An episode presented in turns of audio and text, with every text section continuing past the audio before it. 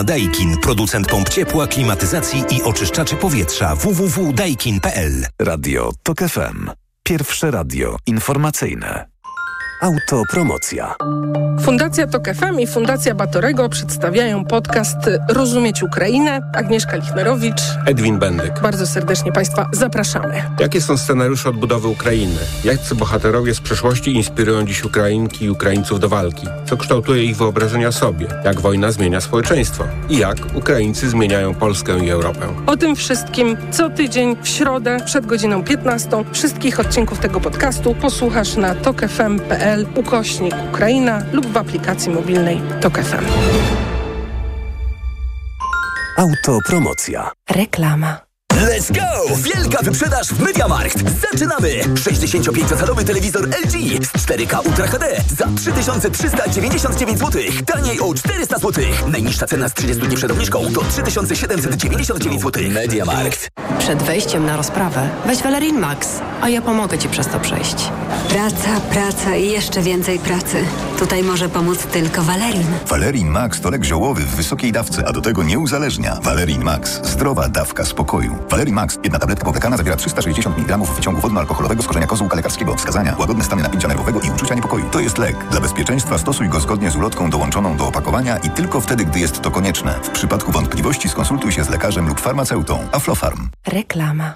Sponsorem audycji jest Moderna, budująca inwestycję Chronos w Warszawie. EKG. Ekonomia, kapitał, gospodarka. Maciej Zakrocki, dzień dobry. Zapraszam Państwa na magazyn EKG, a pierwszym gościem audycji dzisiaj jest pani dr Henryka Bochniarz, założycielka i przewodnicząca Rady Głównej Konfederacji Lewiatan, twórczyni Akademii Liderek. Dzień dobry. Dzień dobry, dzień dobry. Zacznijmy od tego, co spowodowało, że właściwie wszystkie gazety dzisiaj piszą słaby początek trzeciego kwartału, czy grozi nam recesja. No bo rzeczywiście po tych danych sprzed kilku dni o PKB, który zmniejszył się realnie o 3,7% w porównaniu z poprzednim kwartałem, doszły wczoraj różne dane dotyczące czy to zatrudnienia, czy produkcji sprzedanej. No i takie minorowe są nastroje. Czy pani te minorowe nastroje potwierdza, chociażby no, mając sygnały od członków kon Konfederacji Lewiatan? Ja myślę, że wszyscy się szykowaliśmy na spowolnienie, więc to nie jest tak, że jest to jakieś wielkie zaskoczenie. I stąd też wśród przedsiębiorców nie ma jakiejś paniki, ale z drugiej strony jest takie przekonanie, że ten rok no, będzie trudnym rokiem i trudno oczekiwać, że to, co się stanie w ciągu następnych dwóch kwartałów spowoduje, że będziemy mogli mówić o tym, że mamy jakiś znaczący wzrost gospodarczy. Natomiast wydaje mi się, że to tak powiem, straszenie recesją i, i wielkimi problemami też jest przesadzone. Tak? Jednak gospodarka no, pokazuje, że jest bardzo odporna i, i, i ci nasi przedsiębiorcy naprawdę starają się mimo tych wszystkich problemów i z wzrostem cen energii i z wzrostem kosztów wynikającym chociażby z wzrostu wynagrodzeń całkiem sobie nieźle dają radę. Natomiast no, trzeba mieć świadomość, że my jesteśmy jednak małym punktem na tej globalnej mapie, czy nam się to podoba, czy nie. I w związku z tym to nie jest tylko i wyłącznie kwestia tego, co się tu w Polsce będzie działo. Tak? No, zwłaszcza to, co się dzieje w Niemczech jest dla nas absolutnie kluczowe. To jest w końcu główny odbiorca naszego eksportu, a dzisiaj praktycznie ten rachityczny, jeżeli mówić o jakimkolwiek wzroście, to jest przede wszystkim kwestia eksportu. Tak? Więc jeżeli tam następuje spowolnienie, no to też jest oczywiście dla nas przewidywalnie jakiś kłopot. Ale mówię, wydaje mi się, że to nie dzieje się w takiej skali. Poza tym bardzo bym e, uważała na to, żeby dane jednego czy nawet dwóch kwartałów traktować jako już coś, tak powiem, co będzie utrwalonym trendem. Wydaje mi się, że trzeba na to patrzeć, e, zastanawiać się, jak będzie rynek pracy zwłaszcza funkcjonował, ale również i e, produkcji i usług. Natomiast nie robić paniki wokół tego, bo to jest to, co nam najbardziej może za, za, zagrozić. Tak? No tak, dlatego też i w komentarzach dzisiaj jedni piszą, że to jest, że owszem, dane są słabe, ale recesja ma się ku końcowi, a inni piszą, no chyba z tymi problemami zostaniemy na dłużej, także i tutaj e, oceny nie są, nie są jednoznaczne. Wspomniała Pani o, o rynku pracy, jest też e, no, właśnie trochę nowych danych. E, Co prawda mm, e, GUS podał w czwartek e, dane dotyczące poprzedniego roku, ale mm, zacznę od nich. E, O jedną czwartą zwiększyła się w ubiegłym roku liczba cudzoziemców pracujących w Polsce. Na koniec grudnia ich liczba przekroczyła milion. To jest 6,5% ogólnej liczby osób wykonujących w Polsce pracę.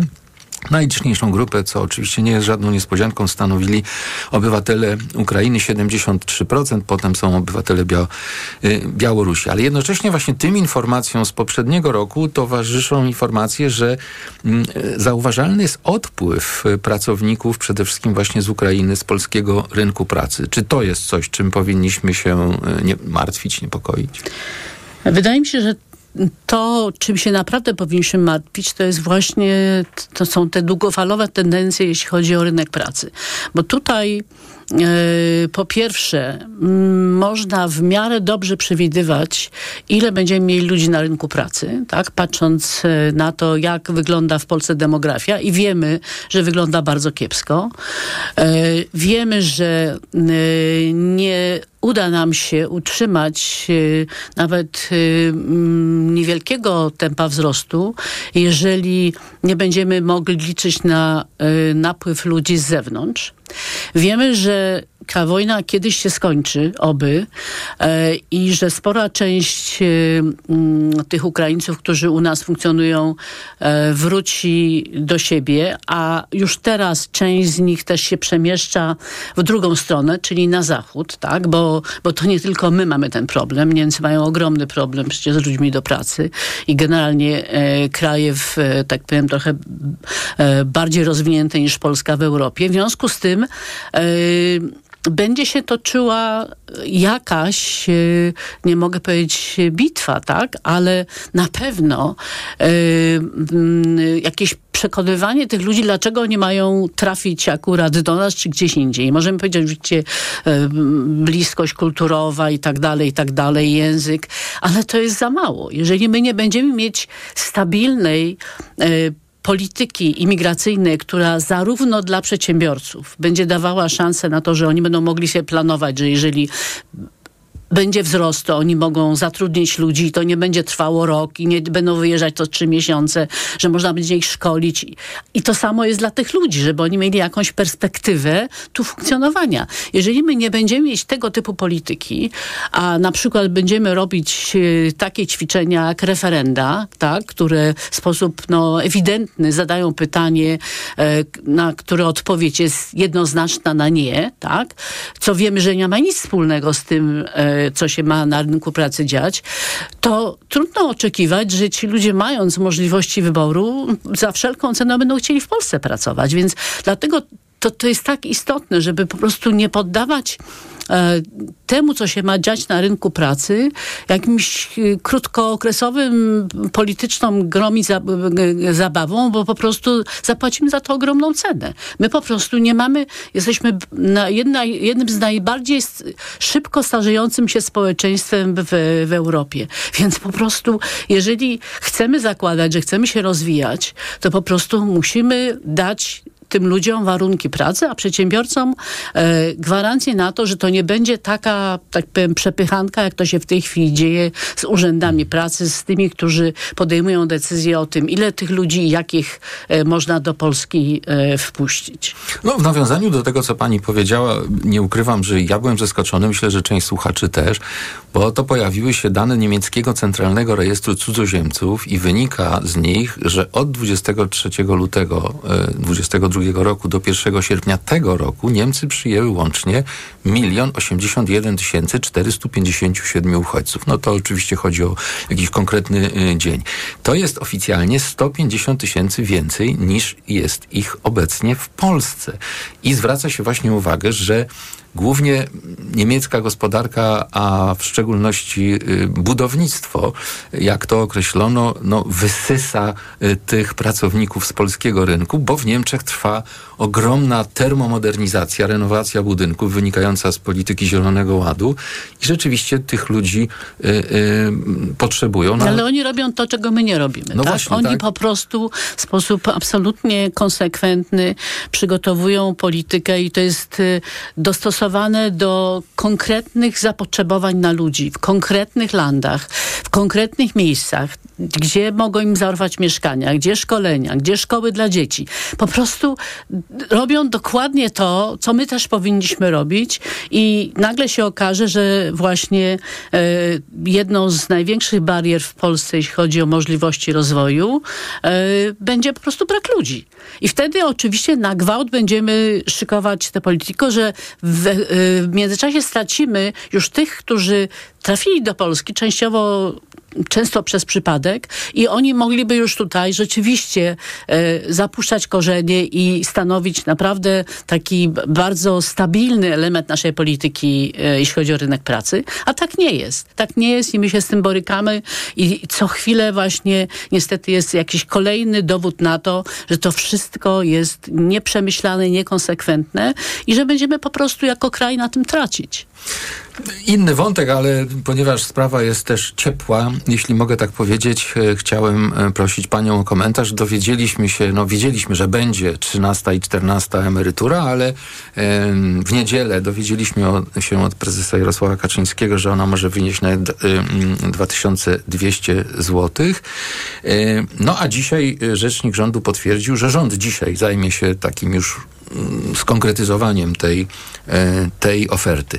No i komentarze medialne są takie, że w sumie to może dobrze, że są te, te emerytury 13 i 14, bo biorąc pod uwagę poziom inflacji, realnie dopiero te dodatkowe emerytury pozwalają w skali roku emerytom no, być na plusie, że tak powiem, z punktu No widzenia tak, tego, ale co dostają. wie pan, panie redaktorze, no znowu jest ten problem, że e, to powinno być stałym elementem polityki społecznej. To znaczy rewaloryzacja, tak? Uzależnienie świadczeń społecznych właśnie od inflacji. To dotyczy wszystkiego. I 500+, plus, i emerytur, i rent. Tego wszystkiego, co dla bardzo wielu ludzi jest podstawowym elementem e, jakby życia i oni powinni mieć pewność, że to nie jest kwestia dobrego humoru takiego czy innego prezesa, tylko, że to jest po prostu gwarancja państwa, że jeżeli e, rośnie inflacja, to ich emerytury też rosną, a nie, że po prostu może ktoś wyjdzie i powie, damy wam 15.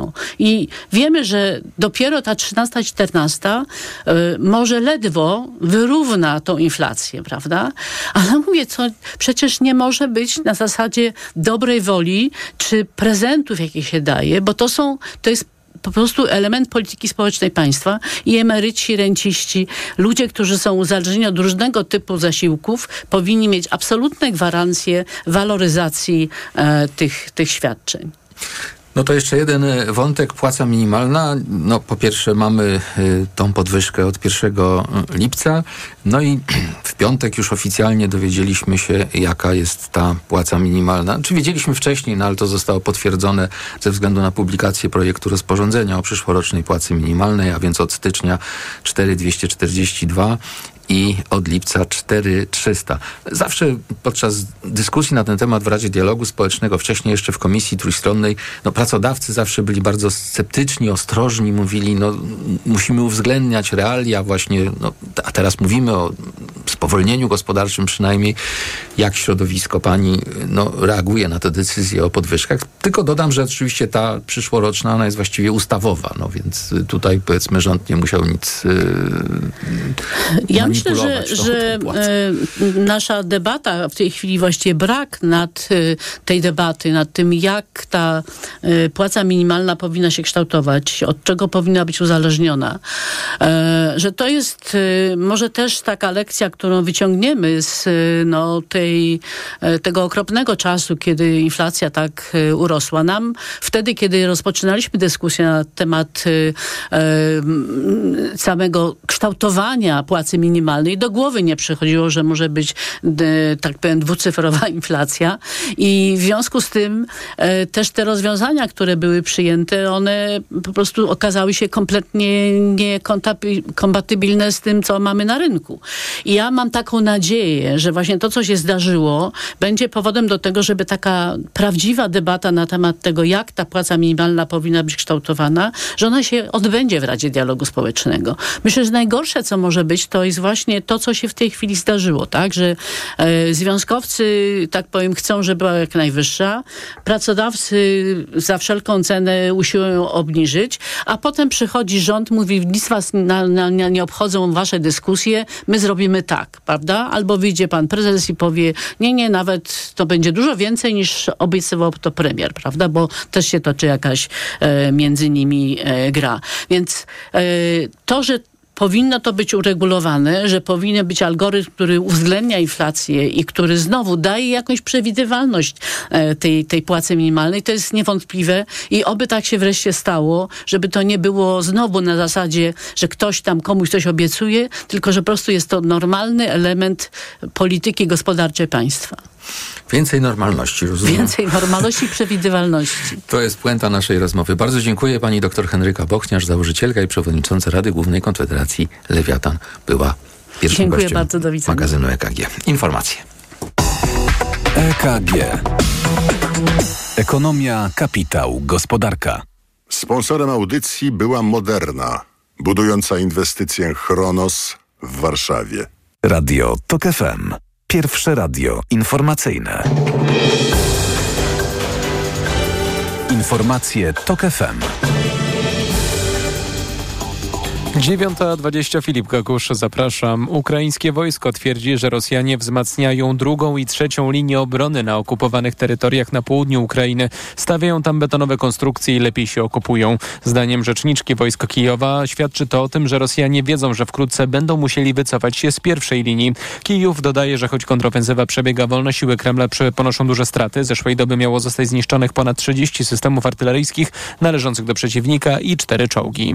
Naczelna Izba lekarska po interwencji TOK FM zapowiada pomoc ginekolożce dr Gizeli Jagielskiej ze szpitala w Dolnośląskiej Oleśnicy. To właśnie w tej placówce przeprowadzanych jest najwięcej legalnych aborcji w kraju, a pracująca tam lekarka nękana jest przez organizację Pro-Life. Ich członkowie koczują przed placówką całymi dniami i wysyłają też pogróżki, mówiła dr Jagielska TOK FM. Ale w najgorszej sytuacji, to co ja podkreślam już wielokrotnie, są pacjentki, dlatego że prawie zawsze jest tak, że kiedy oni pikietują, to w oddziale leży albo pacjentka do aborcji, albo pacjentka, która właśnie ciąży traci, albo pacjentka, która zaraz urodzi przedwcześnie dziecko i, i ma głowę tylko pełną czarnych scenariuszy. Lekarka dodała, że do tej pory Naczelna Izba Lekarska nie reagowała na jej prośbę o wsparcie. Po naszych pytaniach otrzymaliśmy zapowiedź, że zajmie się tą sprawą. Prokuratura wszczęła śledztwo w sprawie wypadku policyjnego śmigłowca na pikniku wojskowym w Starnowej Górze, gdzie policyjny Black Hawk zahaczył o linię wysokiego napięcia. Nikomu nic się nie stało, ale pojawiają się pytania o złamanie reguł bezpieczeństwa, bo śmigłowiec zszedł do zaledwie 30 metrów nad ziemią. Sprawą zajmuje się też Komisja Badanie Wypadków Lotniczych i Policja. Pogoda. To będzie upalny dzień, jedynie nad morzem nieco chłodniej, 22 stopnie, około 27 w centrum, do 30 na Śląsku i Podkarpaciu oraz w Małopolsce. Lokalnie na południu także opady deszczu i słabe burze. Radio TOK FM. Pierwsze radio informacyjne. EKG. Ekonomia, kapitał, gospodarka. Maciej Zakrocki, dzień dobry ponownie. Zapraszam na drugą część magazynu EKG, a gośćmi w tej części są pani doktor Lidia Adamska, ekspertka w zakresie rynków finansowych, mentorka startupów. Dzień dobry. Pani Bożena Lublińska-Kasprzak, ekspertka BCC do spraw innowacji i funduszy Unii Europejskiej, prezes Fundacji Rozwoju Edukacji Menedżerskiej SGH. Dzień dobry. Pan Piotr Soroczyński, główny ekonomista Krajowej Izby Gospodarczej. Dzień dobry. Ja wspomniałem w pierwszej części magazynu w rozmowie z panią dr Henryką Bochniarz o tych danych, które GUS wczoraj opublikował. One dotyczą e, płac, one dotyczą zatrudnienia, a też e, produkcji sprzedanej. No i generalnie tylko wspomniałem, że komentarze dzisiaj po publikacji tych danych są takie minorowe, ale z lekkim optymizmem, że owszem, słaby jest ten początek trzeciego kwartału, ale może to tylko właśnie taka końcówka już złych wiadomości, recesja ma się ku końcowi. Taki też komentarz gdzieś znalazłem. To może zacznijmy. E, państwo myślą, że jaki wskaźnik najbardziej z tych wczoraj publikowanych, e, no właśnie, pokazuje, że jest dobrze. Produkcja sprzedana, Patrzę na pana Piotra Soroczyńskiego. No nie wygląda tam, że jest jakoś szczególnie kwitnąco, no bo proszę zauważyć, że my już mamy od ładnych kilku miesięcy minusy, jeżeli mówimy o takiej produkcji w ujęciu rok do roku. Oczywiście, jeżeli patrzymy na lipcowy minus, to musimy pamiętać, że zazwyczaj jest tak, że przemysł hamuje działalność na okres wakacyjny. Tak jest zasadne. Najczęściej się wysyła załogę z, z hali produkcyjnej w jednym momencie i wtedy tak naprawdę cały zakład ma przestój 3 czy 4 tygodnie. To też jest jeszcze też konserwacja różnych urządzeń, więc ten e, minus miesiąc do miesiąca nie jest aż tak bardzo niepokojący, ale niepokojące jest to, że się pogłębił ten minus w ujęciu rok do roku. E, widać, że nie ma specjalnie dużo zamówień, że e, handel, ewentualnie ktoś, kto odbiera e, towary, które my eksportujemy, nie chce e, przesadnie e, trzymać dużych stanów magazynowych, nie odnawia tego, co sprzedał, więc widać, że wciąż tu jest słabo i to ocknięcie i naszego handlu, handlu i e, ewentualnie tego, co zakupują e, od nas e, no, podmioty z innych krajów, wciąż nie jest na, na, na, takim poziomie ocknięcia gospodarki, o jakim żeśmy marzyli tak naprawdę dla kwartału drugiego. No a teraz te marzenia tak trochę przepychamy na kwartał trzeci. Ja tylko dodam, bo pan wspomniał o tym minusie, on wyniósł 2,7% rok do roku, jeśli chodzi o produkcję sprzedaną. No i rzeczywiście chyba zaskoczenie duże, bo ekonomiści spodziewali się, że to będzie 0,7% rok do roku. To bardzo proszę pani doktor Lidia Adamska. Y, ja chciałabym zwrócić uwagę na fakt, że te dane i to, jakie odbieramy, to y, w mojej ocenie, y, jak zazwyczaj, odzwierciedla to połączenie i gospodarki, i polityki ponieważ tę sytuację obecną e, komentatorzy nazywają niekiedy recesją techniczną. Słowo recesja y, nie brzmi najlepiej, zwłaszcza... Techniczna też nie, bo nam się teraz kojarzy jak ze zbożem. Jak nie wiadomo było jak go nazwać, które to wjechało do Polski z Ukrainy, to mówiło się techniczne. Tak, ale wydaje się, że jakby y, sam termin y, recesja techniczna, on tak jakby pokazuje, że mamy do czynienia z pewnymi liczbami, y, pewną statystyką, jakby ilościową miarą zjawiska, natomiast, że jakościowe procesy mogą wyglądać nieco inaczej i dobrze byłoby się temu przyjrzeć. Natomiast e, ten wpływ polityki moim zdaniem ujawnił się między innymi e, wtedy, kiedy e, przedstawiciele Polskiego Instytutu Ekonomicznego w opinii swojej na temat danych GUS-u wyrażali opinię, że być może to jest po prostu źle policzone że GUS źle to liczy i że e, wyrównanie cenowe, które e, GUS e, realizuje przy wyliczaniu, przy wyliczaniu dynamiki PKB, że to jest robione nieprawidłowo, ponieważ zmienność danych pro, przedstawianych przez GUS jest nadmierna, a więc w każdym razie było takie zaniepokojenie, powiedziałabym, typu polityczno-merytorycznego, tak bym to określiła.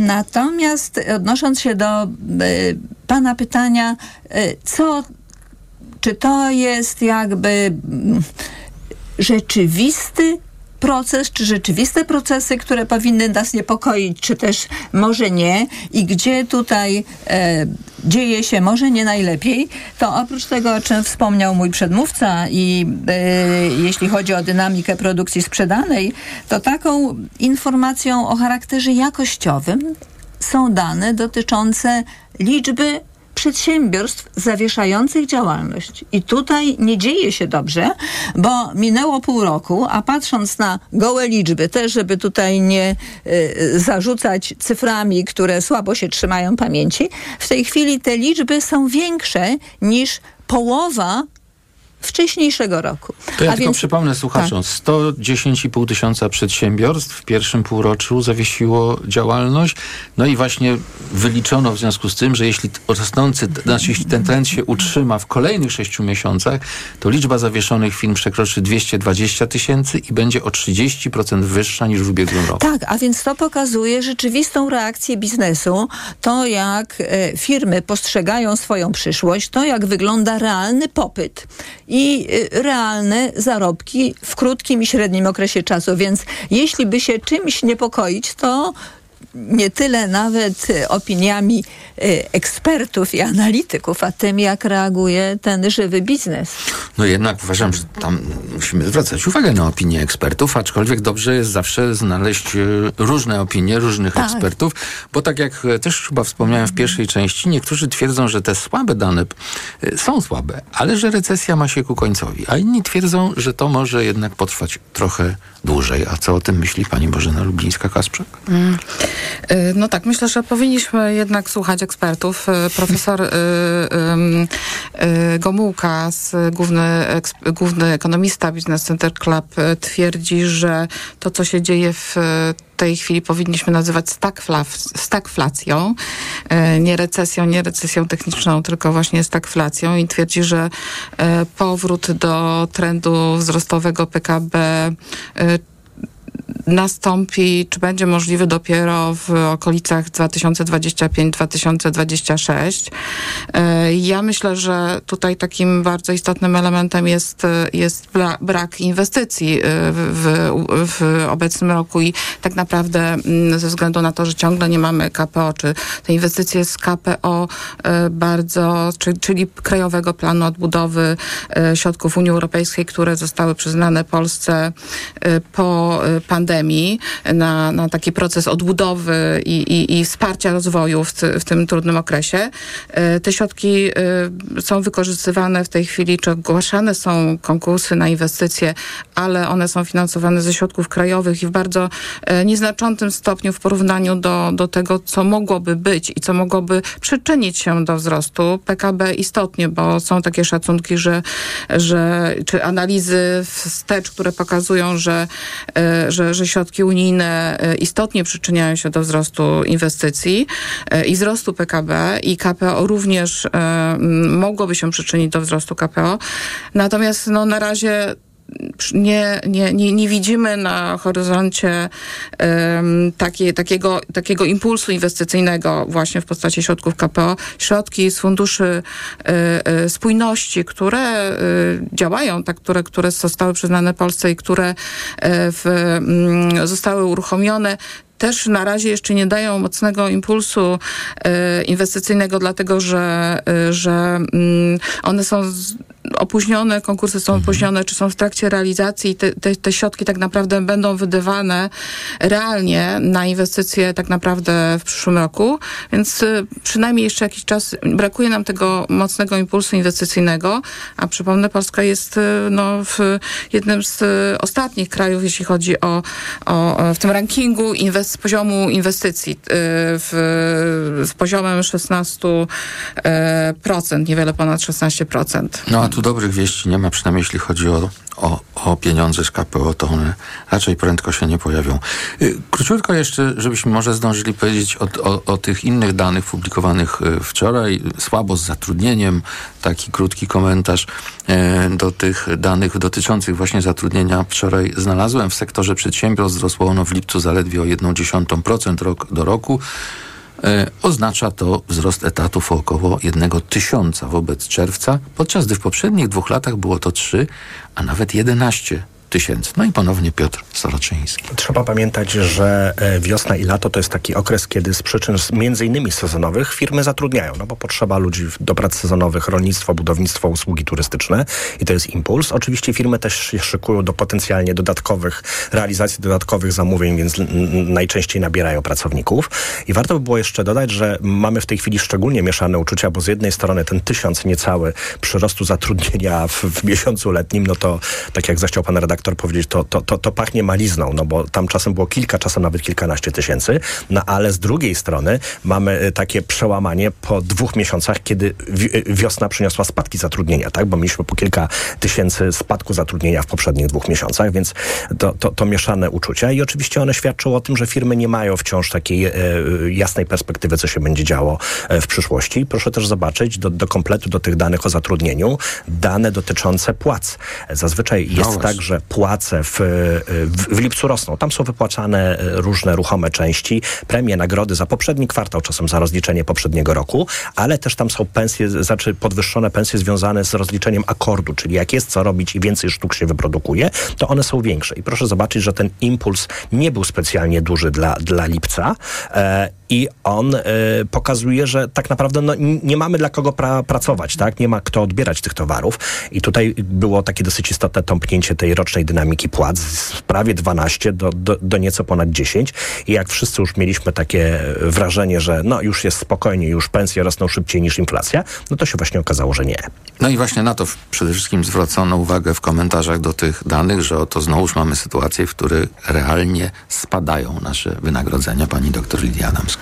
E, jest e, jeszcze jeden czynnik, który niezależnie od tego, o czym tutaj mówimy, to znaczy o dynamice gospodarczej, dynamice PKB i tego, jak firmy postrzegają przyszłość i są chętne do zatrudniania, e, kwestia pracowników z Ukrainy i procesu, który trwa, odpływu jakiejś części osób, które tutaj przyjechały do pracy z Polski, przede wszystkim do Niemiec. Statystyki e, najnowsze e, wskazują na to, że na koniec czerwca e, w Niemczech było prawie półtora miliona e, uchodźców z Ukrainy, natomiast w Polsce ich liczba, przynajmniej ta rejestrowana, spadła mhm. poniżej miliona. A więc to też może w jakiś sposób wpisywać się w to, o czym tutaj już mówiliśmy, w sezon letni, ale nie tylko. Być może w jakiś e, szerszy proces wynikający moim zdaniem ze słabości a e, chyba bardziej można powiedzieć tego, że Polska nie ma polityki migracyjnej cały czas i doświadczamy no, słabości i negatywów tej sytuacji.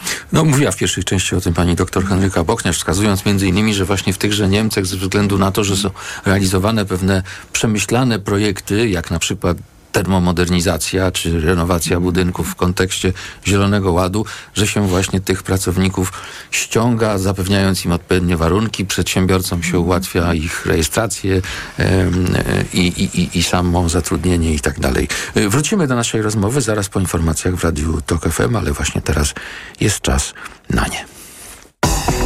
EKG Ekonomia, kapitał, gospodarka.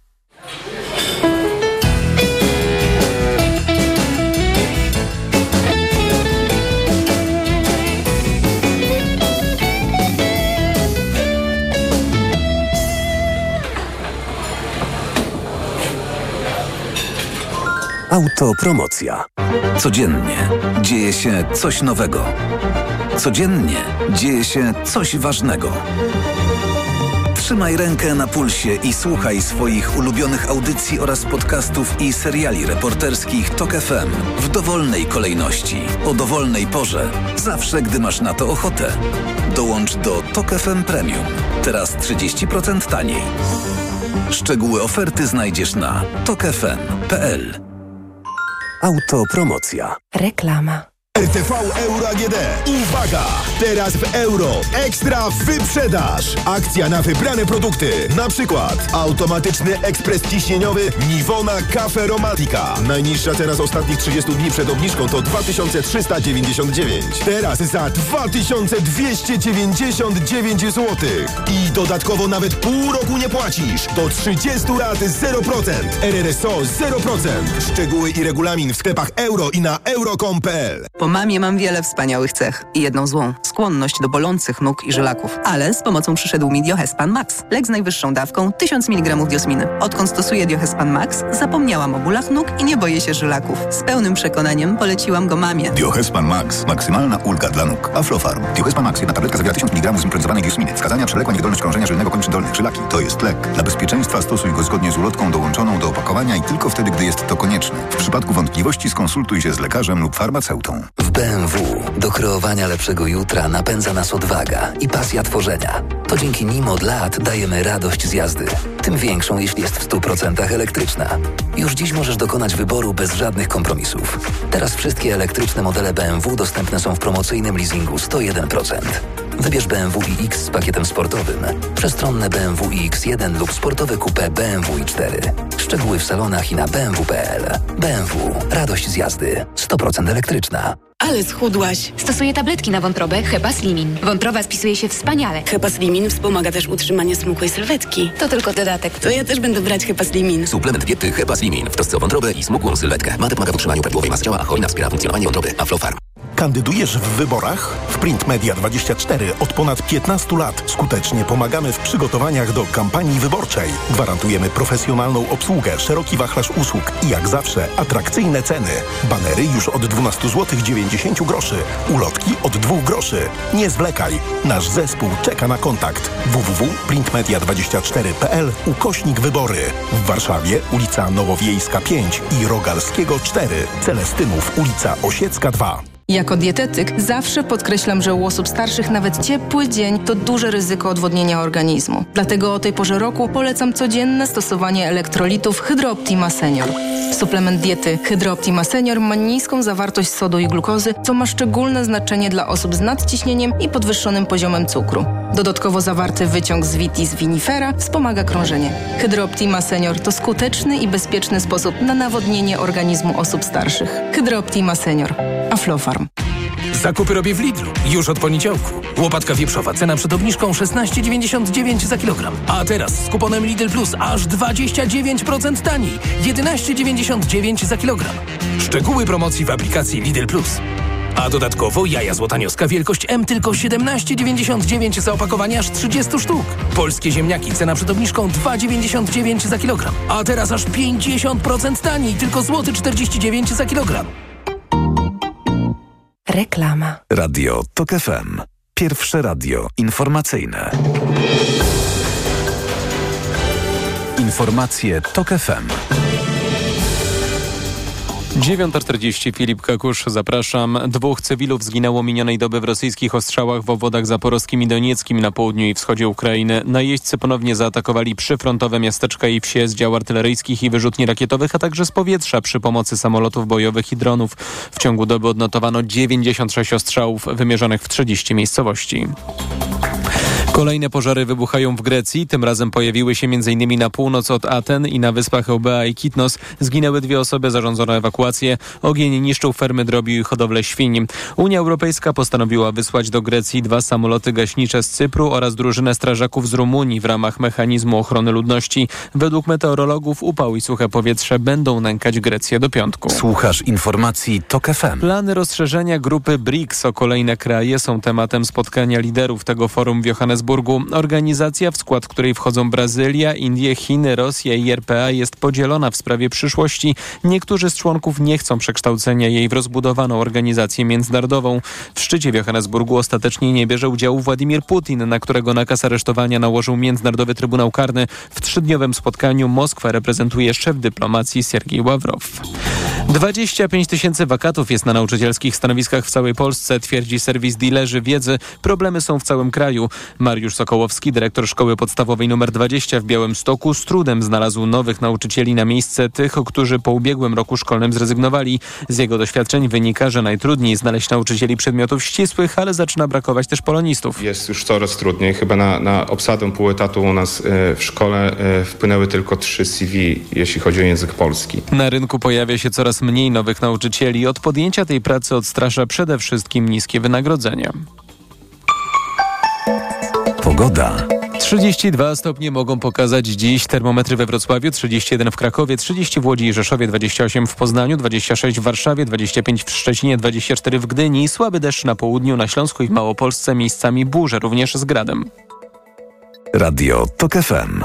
Pierwsze radio informacyjne. Sponsorem audycji jest Moderna, budująca inwestycję Chronos w Warszawie. EKG.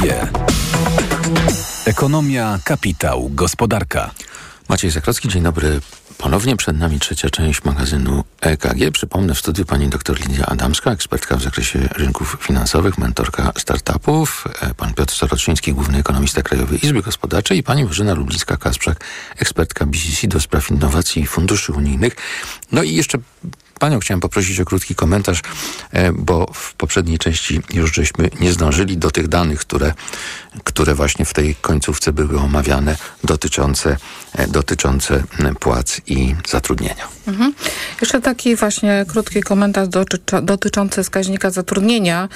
I tutaj znowu odniosę się do funduszy europejskich, bo jest takie badanie Ministerstwa mm, Funduszy Europejskich i Polityki Regionalnej dotyczące właśnie wpływu e, e, środków unijnych na, e, na rozwój społeczno-gospodarczy Polski w latach 2004-2020, które to badanie pokazuje, że niemal 13% przyrostu wskaźnika zatrudnienia było efektem realizacji inwestycji współfinansowanych z funduszy unijnych. Co ciekawe, te, te, te miejsca pracy, które powstają e, z, e, ze wsparciem z funduszy unijnych, to są miejsca pracy stałe, które e, i, i w takiej gospodarce zaawansowanej technologicznie, w miejsca, które są związane z innowacyjnością, z badaniami, rozwojem.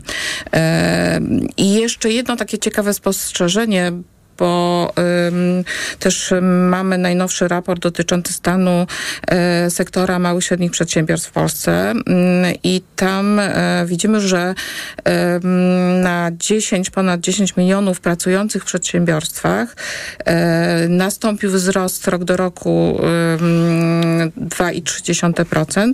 Największy wzrost nastąpił wszakże w mikroprzedsiębiorstwach o 3,7% rok do roku. To są dane Yy, głównie z 2021 roku, więc trochę, trochę już e, e, dane mm, no, sprzed dwu, ponad dwóch lat, tak, ale one też pokazują pewien trend, e, to znaczy taki, że i myślę, że ta struktura nie jest zbyt korzystna, bo rosną na miejsca pracy w mikroprzedsiębiorstwach, czyli głównie jest to samo zatrudnienie, a mniejsza jest dynamika wzrostu miejsc pracy w przedsiębiorstwach małych, średnich czy dużych, które powinni szybciej rosnąć, bo my mhm. tutaj też jakby jesteśmy e, strukturalnie e, słabsi, jeśli chodzi o inne kraje europejskie, czyli mamy mniej e, dużych, średnich, małych firm, więcej mikro, małych, które tworzą te miejsca pracy często właśnie z konieczności, bo często to jest trochę takie, taka alternatywa bycia bezrobotnym, stworzenie miejsca pracy dla siebie. No a teraz zgodnie z tradycją magazynu KGI trzeciej części, krótki, e, krótki, krótki wypad na giełdę papierów wartościowych WIG20 na plusie 0,48. A jeśli chodzi o rynek e, walut, frank szwajcarski 4,65, euro 4,45, funt 5,21 i dolar 408 i patrzę na panią dr Lidię Adamską, bo właściwie już od wielu miesięcy przyzwyczailiśmy się do stosunkowo mocnego złotego. Mówię stosunkowo mocnego, no bo jeszcze niedawno na przykład euro było blisko 5 złotych albo nawet przekraczało. Co to znaczy w kontekście też tego, o czym mówiliśmy, prawda? Pewnej słabości polskiej gospodarki, a tu okazuje się, że złoty ma się dobrze. E, wydaje się, że e, jakby te zależności pomiędzy wskaźnikami ekonomicznymi a sytuacją złotówki e, no, nie są takie, powiedziałabym, proste i mogą wywoływać rzeczywiście pytania i dlaczego jest tak, a nie inaczej. Wydaje się, że generalnie z punktu widzenia postrzegania polskiej gospodarki można uznać, że e, wizja wychodzenia, e, to znaczy e, dezinflacji, a także postępującej, może nie tak jak się spodziewano w 2023 roku i może nie od trzeciego kwartału, ale wizja odbicia gospodarczego jest tym czynnikiem, który sprzyja sprzyja temu, żeby e, złotówka e, no, e, nie, żeby jej pozycja nie słabła właśnie z perspektywy, z perspektywy tej oczekiwanej przyszłości. Wydaje mi się, że to może pokazywać takie no, względnie optymistyczne spojrzenie na polską gospodarkę w średnim okresie czasu. Pierwszy element y, tradycyjnego Mhm. wątku w y, magazynie EKG już za nami, ale teraz ten najważniejszy, drugi element. EKG. Drugi element to oczywiście zdziwienia gości. E, Pan Piotr Soroczyński, bardzo proszę. Od maja ceny w przetwórstwie przemysłowym są niższe niż przed rokiem. Niższe niż przed rokiem. Oczywiście przetwórstwo przemysłowe głównie pracuje na eksport, bo, tak, bo taka jest filozofia działania przemysłu. 70% tego, co robią przemysłowcy, idzie na zewnątrz. No ale część idzie również na zaopatrzenie rynku. W dodatku mamy sytuację taką, że e, złoty jest istotnie mocniejszy niż przed rokiem już od kilku miesięcy. A proszę zobaczyć, że jeżeli by się popatrzyło na dane dotyczące cen zmiany cen towarów rok do roku w lipcu, to jest wciąż jeszcze 10% na plusie. To znaczy, że najprawdopodobniej gdzieś ktoś ustawiając ceny na, na, na, na, na, na, na, na poziomie mm, yy, handlu detalicznego, wciąż je jeszcze ustawia wysoko, nie reagując na to, co się może dziać z jego zaopatrzeniem. Być może ma zbyt dużo towarów e, kupionych po jeszcze wysokich cenach i chce je zbyć z w miarę niską stratą, no ale z drugiej strony mamy taką reakcję klientów, że my jako klienci niespecjalnie kupujemy, bo sprzedaż w handlu detalicznym nominalnie była w lipcu wyższa niż przed rokiem o 2,5%, nie, w czerwcu, więc to jest tak naprawdę mało. My jako klienci czekamy. No i teraz moje zdziwienie, że no, sprzedawcy nie czekają z obniżkami cen towarów, które mogłyby być tańsze. Być może czekają na wrzesień, kiedy wszyscy chętnie idziemy do sklepów. Mhm. E, a co dziwi panią Bożenę Lublińską Kasprze? Mm, Ja znalazłam takie mm, wyniki badania dotyczące rynku pracy i tam między innymi mm, jest mowa o tym, że e, prawie 40% rodziców nie ma preferencji w zakresie wyboru zawodu dla swojego dziecka. To jest e, dość niepokojące, bo wiemy, że tak naprawdę to e, doradztwo zawodowe w szkołach podstawowych to właściwie nie działa. W szkołach średnich działa w bardzo ograniczonym zakresie. E, I tak naprawdę takimi najważniejszymi doradcami zawodowymi dla dzieci są ich rodzice. I, Co czasami jest oczywiście powodem poważnych konfliktów. to jest powodem konfliktów. Tam w głębi tego badania też widać, że, że to często jest tak, że właśnie rodzice nie chcą, e, zwłaszcza z tego najnowszego pokolenia e, rodzice dzieci, któ- któ- które, k- dzieci, które już chodzą jakby w ten, w ten e, czas wyboru drogi zawodowej, nie chcą ingerować w ten wybór, no ale jednak ingerowanie, czy namawianie, czy przymuszanie wręcz do wyboru ścieżki zawodowej, a doradz, doradzanie jest myślę czymś, czymś innym. I tutaj na pewno nie, niepokojące jest również to, że myślę, że wiele szkół nie wie, jakie powinny być e, szkół, czy, czy jakby e, e, instytucji systemu edukacji tak naprawdę nie wie, jakie powinny być preferencje, jakie powinny być preferencje zawodowe mm, młodzieży, ponieważ no, ta edukacja nie nadąża za mm, tym, żeby kształcić w zawodach przyszłości tak zwanych. A mówi się o tym, że na, najpopularniejsze zawody związane będą między innymi z ochroną środowiska, z y, bezpieczeństwem, cyberbezpieczeństwem, z, z oczywiście sztuczną inteligencją e, i nowoczesnymi, nowymi technologiami. I tutaj e, rzeczywiście myślę, że ta edukacja, zwłaszcza na poziomie średnim, nie do końca nadąża za tym, no ale, no ale to, mm, tak jak powiedziałam, niepokojące jest to, że rodzice nie potrafią identyfikować tych, tych e, e, i też może e, wpływać na to, żeby ten system edukacji w związku z tym się zmieniał, żeby, żeby dzieci były kształcone w tych zawodach, których znajdą pracę, których e, najwięcej będzie tych osób wykształconych poszukiwanych, tak? Ale to bardzo ciekawe, co pani mówi, no bo jednak z drugiej strony słyszymy, że w miarę mm, upływu lat, y, ja już mogę to powiedzieć, tak, y, no, zmienia się trochę w ogóle podejście, w, bo dzisiaj często słyszymy dziecko, rób co chcesz, byleś był szczęśliwy, prawda? I że to właśnie też jest takie upodmiotowienie tego młodego człowieka, żeby wybierał sam swoją ścieżkę, a nie, żeby, bo słuchaj, zostań lekarzem, tak jak kiedyś się mówiło, albo prawnikiem, że, że ten element takiej wolności y, w procesie wychowania, czy w ogóle w rodzinach, y, jest też szalenie ważny. Także to rzeczywiście może wskazówka, tak, co do trendu w przyszłości rozwoju, tak, ale chyba na koniec to jednak powinna być decyzja własna. No nie wiem, ale pani doktor Lidia Adamska? E, ja z moim zdziwieniem wróciłabym na giełdę. E, dowiedzieliśmy się wczoraj o tym, że Skarb Państwa chce odkupić od giełdowej spółki Enea e, kopalnię Bogdanka. Wywołało to e, reakcję rynku. Ceny Bogdanki wzrosły co bardzo znacząco, ale pod koniec e, sesji, e, można powiedzieć, wróciły do normy. Pojawiło się też e, trochę pytań, jaki jest sens takiej operacji, że Skarb Państwa kupuje e, państwową kopalnię od energetycznej e, spółki, również państwowej. E, Żeby było jeszcze bardziej państwowe. może. żeby było jeszcze bardziej państwowe.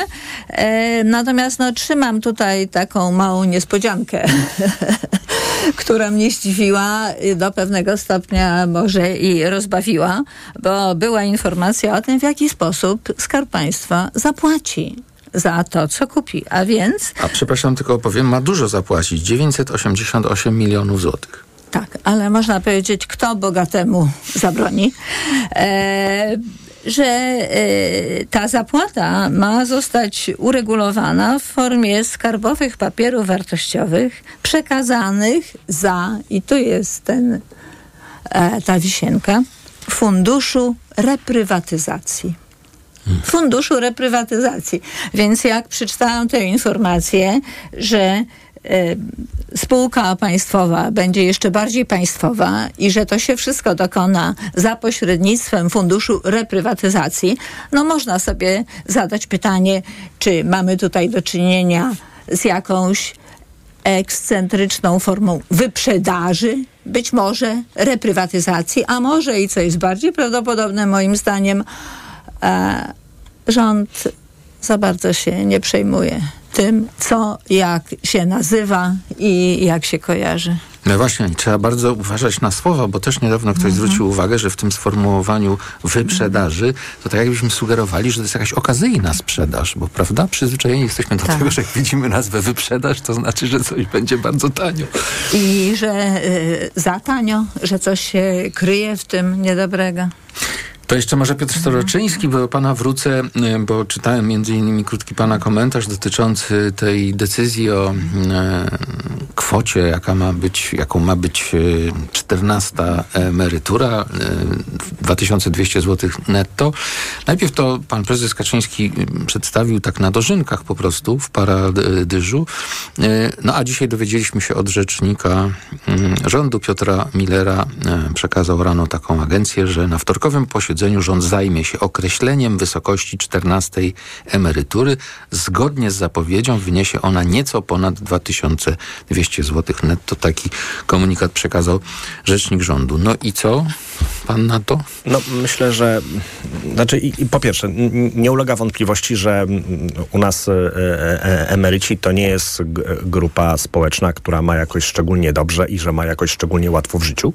Więc oczywiście dyskusja o tym, czy wspierać, czy nie wspierać jest e, i, i, i na jaką skalę jest trudna, ale też oczywiście trzeba pamiętać, że są i, i inne potrzeby. Ale jeżeli już dyskutujemy o tym, czy wspierać, można by było zastanowić się w, w jakiej formule, prawda? Może za, zasadniej by było zrobić waloryzację świadczeń, a nie opierać się o takie pojedyncze wypłaty typu 13, 14, no bo one oczywiście zaburzają system one też zaburzają system z takiego powodu, że trochę nam łamią tą filozofię, którą ma, mamy wpajaną od dziesięcioleci pod tytułem y, y, no, dbaj o to, co się będzie działo na emeryturze, płać składki, wtedy będzie większe świadczenie, bo jak nie będziesz miał, no to będziesz miał mało pieniędzy, nie będziesz miał z czego żyć, a tutaj się okazuje, że no, ci, którzy no, mieli mniej tych składek i mają mniejsze świadczenia z bardzo różnych powodów, często niezawinionych przez siebie, no to nagle dostają dodatkowy strzał, a ci, którzy byli za, za, za, zaradni i starali się, żeby to jakoś dobrze wyglądało, nie są wspierani i tak naprawdę są spłaszczane te, te, te, te, te różnice, więc to trochę zniechęca do takiego pozytywnego myślenia o zabezpieczaniu się na starość, no bo jakby co co do czego to przyjdzie administracja i wyrówna do, do, do, góry. Więc z jednej strony oczywiście m, pieniądze m, przydadzą się tak dużej rzeszy e, emerytów e, i, i oczywiście to będzie wpływało w jakiś sposób i na konsumpcję, która ostatnio kuleje i tak dalej, ale pytanie, czy to są pieniądze, które są w naszej sytuacji gospodarczej najwłaściwiej wydane i jeżeli już nawet chcemy ten cel wesprzeć, czy w, naj, w najlepszej formie. No na pewno, y, bo to w komentarzach się pojawiło, y, dużo zwraca się uwagę, że dzięki przynajmniej tym 13 i 14 emeryturze y, emeryci w skali roku nie stracą z powodu wysokości inflacji w sensie realnym. No więc to jest na pewno dla nich jakaś może dobra wiadomość. Bardzo Państwu dziękuję za dzisiejsze spotkanie. Przypomnę, gośćmi magazynu LKG byli pani dr Lidia Adamska, ekspertka w zakresie rynków finansowych, mentorka startupów. Dziękuję. Dziękuję. Pani Bożena Lublińska-Kasprzak, ekspertka BCC do spraw innowacji i funduszy unijnych, prezes Fundacji Rozwoju Edukacji Menedżerskiej SGH. Dziękuję. I pan Piotr Staroczyński, główny ekonomista Krajowej Izby Gospodarczej. Dziękuję. Program wydawała Natalia Banaczek, realizowała Livia Prądzyńska. Za chwilę informacja, a po nich Cezary Łasiczka zaprasza na swoją audycję Owczarek. Ja z państwem się jeszcze dzisiaj usłyszę o w raporcie gospodarczym po 14.40. EKG. Ekonomia, kapitał, gospodarka. Sponsorem audycji była Moderna, budująca inwestycję Chronos w Warszawie.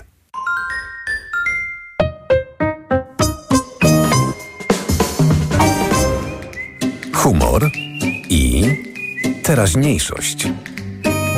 Słuchaj we wtorki po 19.20. Zaprasza Kamil Śmiałkowski. Reklama. A co polecasz na uczucie pełności? Trawisto. Ciężkość na żołądku. Trawisto. Gazy. Trawisto. Suplement diety Trawisto zawiera wyciąg z owoców kopru, który wspomaga trawienie i eliminację nadmiaru gazów. Aflofarm. Smok wraca na Wawel. Zamek Królewski na Wawelu zaprasza na niezwykłe widowisko teatralne Teatru imienia Juliusza Słowackiego w Krakowie Smok. Tylko dwa spektakle na dziedzińcu Zamku Królewskiego na Wawelu 1 i 2 września. Bilety w sprzedaży na teatrwkrakowie.pl i eventim.pl. Realizację spektaklu Smok dofinansowano ze środków Ministra Kultury i Dziedzictwa Narodowego. O kurcze! Skurcze potrafią pojawić się niespodziewanie podczas aktywności fizycznej, po dużej dawce używek czy w czasie snu. Sięgnij po Neomax Skurcz. Najchętniej wybierany przez Polaków produkt dedykowany osobom zmagającym się ze skurczami. Suplement diety Neomax Skurcz zawiera nie tylko magnez i witaminę B6, ale także potas wspierający prawidłową pracę mięśni. Neomax Skurcz pozwala cieszyć się ruchem i nie myśleć o skurczach. Neomax Skurcz